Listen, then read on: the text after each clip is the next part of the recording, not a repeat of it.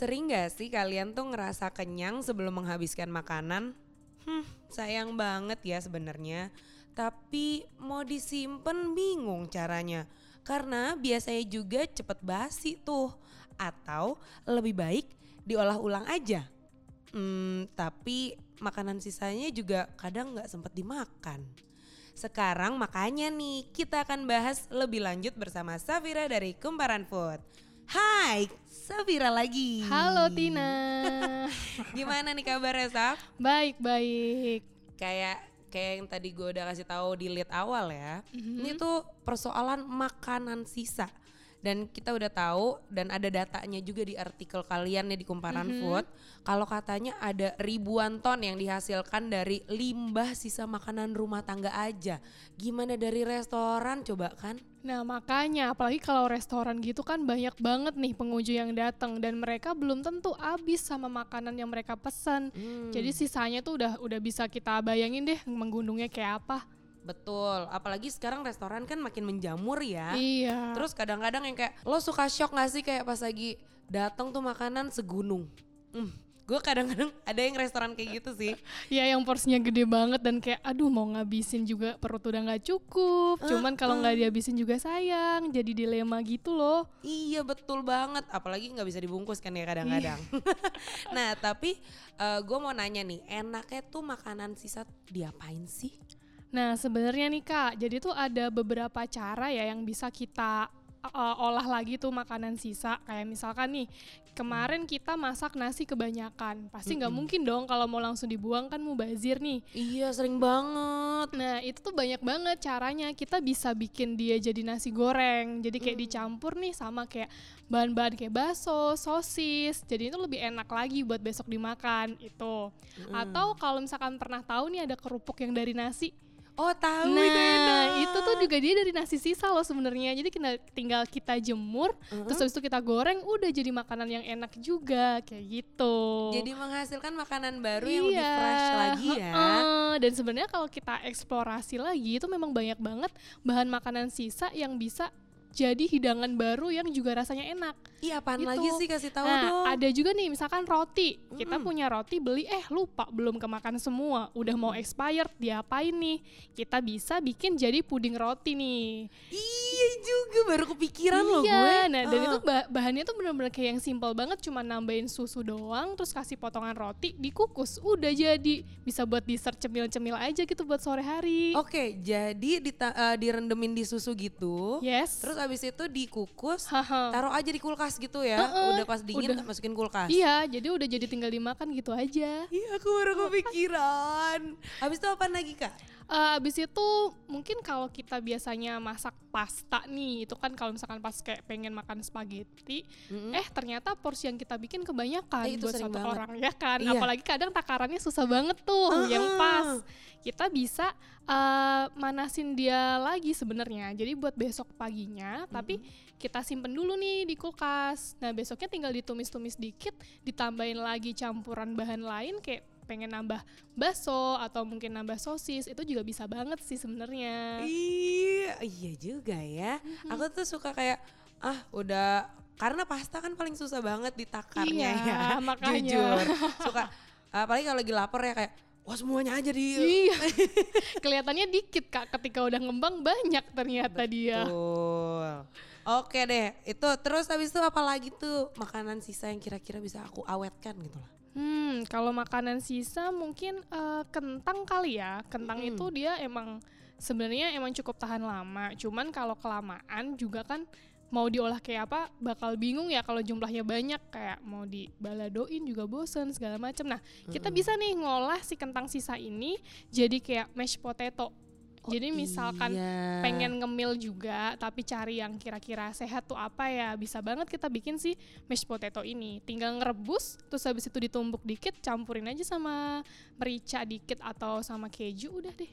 Jadi kayak yang buat side dish di stick-stick gitu. Wow, iya juga. Aku sering banget lagi dibawain sama mamaku tuh kentang. Nah. Dan gak habis mulu. iya kan? Jadi kayak bisa dimasak lagi Oke deh, nah kalau tadi kan kita ngobrolin cara pengolahan makanan lagi biar lebih fresh ya.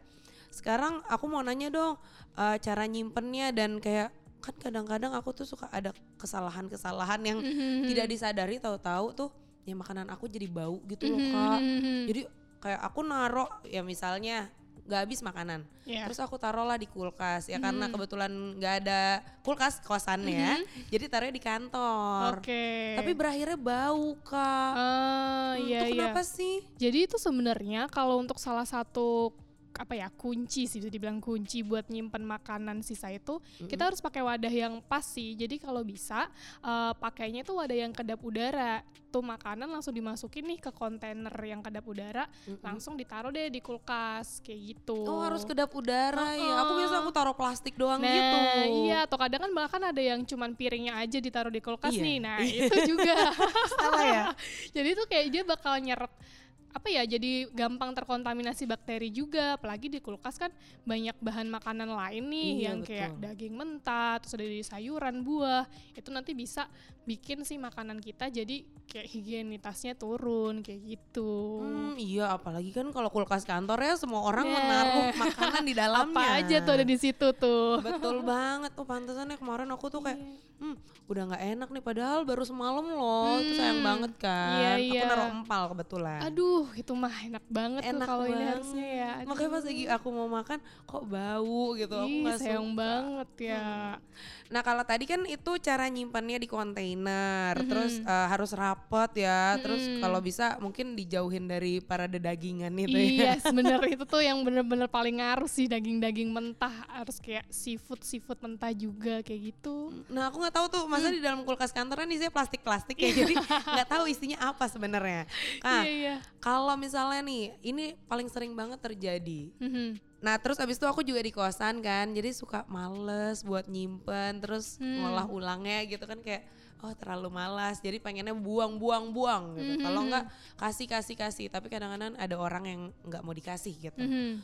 Ada nggak sih kayak semacam komunitas atau Mhm. aku bisa ngasih makanan aku, misalnya aku kayak masak nasi yang tadi kebanyakan, Mhm. kan kadang-kadang lapar banget, terus kayak aku akan makan kalap ya bu ya? yang paling banyak.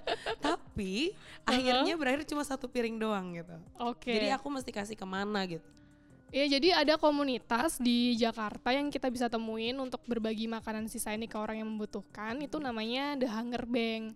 Nah, di sini eh, kayak misalkan nih kalau acara-acara kantor atau kampus seminar gitu kan biasanya makanannya banyak banget ya. Terus suka Iya. kayak nyisa gitu kan. Mm-mm. Nah, kita bisa banget buat kerjasama ngehubungin si Hunger Bank ini dan mereka akan ngebantu untuk menyalurkan kayak gitu. oh ke orang-orang yang lebih membutuhkan Iya. daripada kita ya yang suka Mm-mm. buang-buang makanan ini Iya, bener banget. Ih berarti dia termasuk sama uh, ngambil makanan sisa dari restoran gitu gak sih kak? Eh, kalau untuk makanan sisa dari restoran, kayaknya sih terakhir kali aku tahu informasi belum ya. Cuman Mm. di sini kalau misalkan kita perseorangan pengen ngebantuin eh, berbagi si makanan sisa ini, kita bisa kok ngehubungin langsung si Hunger Bank-nya ini. Ya kira-kira beberapa hari sebelum acara lah, biar bisa siap-siap juga merekanya.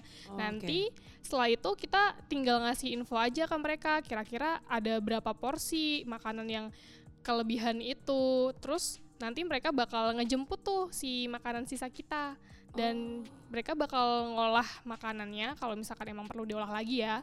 Baru deh dibagi-bagiin ke orang-orang yang membutuhkan kayak Oh gitu. jadi sama mereka pun diolah kembali ya, tapi Iya. ini makanan yang layak tentu saja Heeh, dong. Ya, makanya kan mereka juga butuh untuk lihat dulu nih kira-kira nih kualitas makanan memang masih bisa dibagiin atau enggak ya, kayak gitu. Oh seperti itu. Nah kak, aku mau nanya dong. Ini kan kayaknya eh, aku mungkin mau ada acara nih dan Mhm. aku bisa ngehubungin si Hunger Bank ini ke mana sih?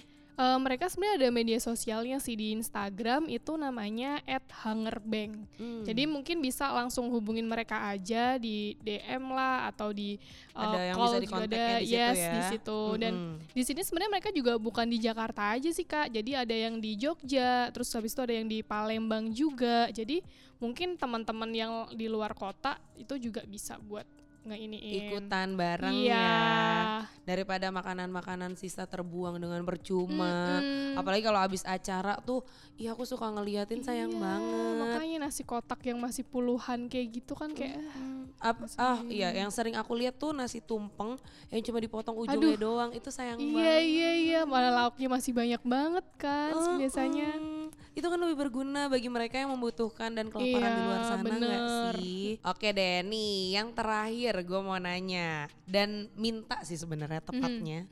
Minta tips dong biar makanan gak bersisa gitu kak. Aku soalnya suka banget buang makanan dan bersisa gitu loh. Eh, sebenarnya sih kalau kayak gitu tuh balik ke diri kita masing-masing ya. Jadi kayak tahu aja porsi kita itu seberapa banyak sih. Jadi ketika kita pesan makanan atau ngambil makanan atau mungkin masak sendiri, dikira-kira aja, oh oke ini pasnya segini, jangan sampai kelebihan. Pun berlebihan dikit, itu kita masih bisa ngolah lagi kan besokannya iya betul. kayak gitu-gitu. Terus mungkin pesan makanan juga. Kadang kalau misalkan lagi lapar nih, lapar mata, itu kayak harus sedikit direm mungkin ya. Jadi kan kalau misalkan kita lapar banget, aduh pengen mesen ini nih, gue pengen ini, pengen ini, pengen ini. Nah itu kayak eh, caranya sih kita pesan aja dulu satu atau dua menu. Nanti kalau misalkan masih lapar, baru pesan lagi. Jangan semuanya. Iya, jadi bertahap aja kayak gitu dulu. Jadi kalau misalkan udah makan, oh ternyata udah kenyang, berarti udah cukup nih segini aja, nggak usah nambah, kayak gitu sih. Iya sih, Mm. apalagi kalau ada promo ya kayak Aduh, rasanya semuanya pengen digrauk gitu kan iya ya. nggak mau rugi bu. Oke deh, jadi intinya berhenti membuang-buang makanan ya guys, soalnya kan masih banyak orang di luar sana yang lebih membutuhkan dan kelaparan. Oke deh, sekarang gue Atletina dan Safira, kita pamit dulu, bye. bye. Sekian dulu podcast kali ini dan terima kasih telah mendengarkan podcast Cerita Kumparan.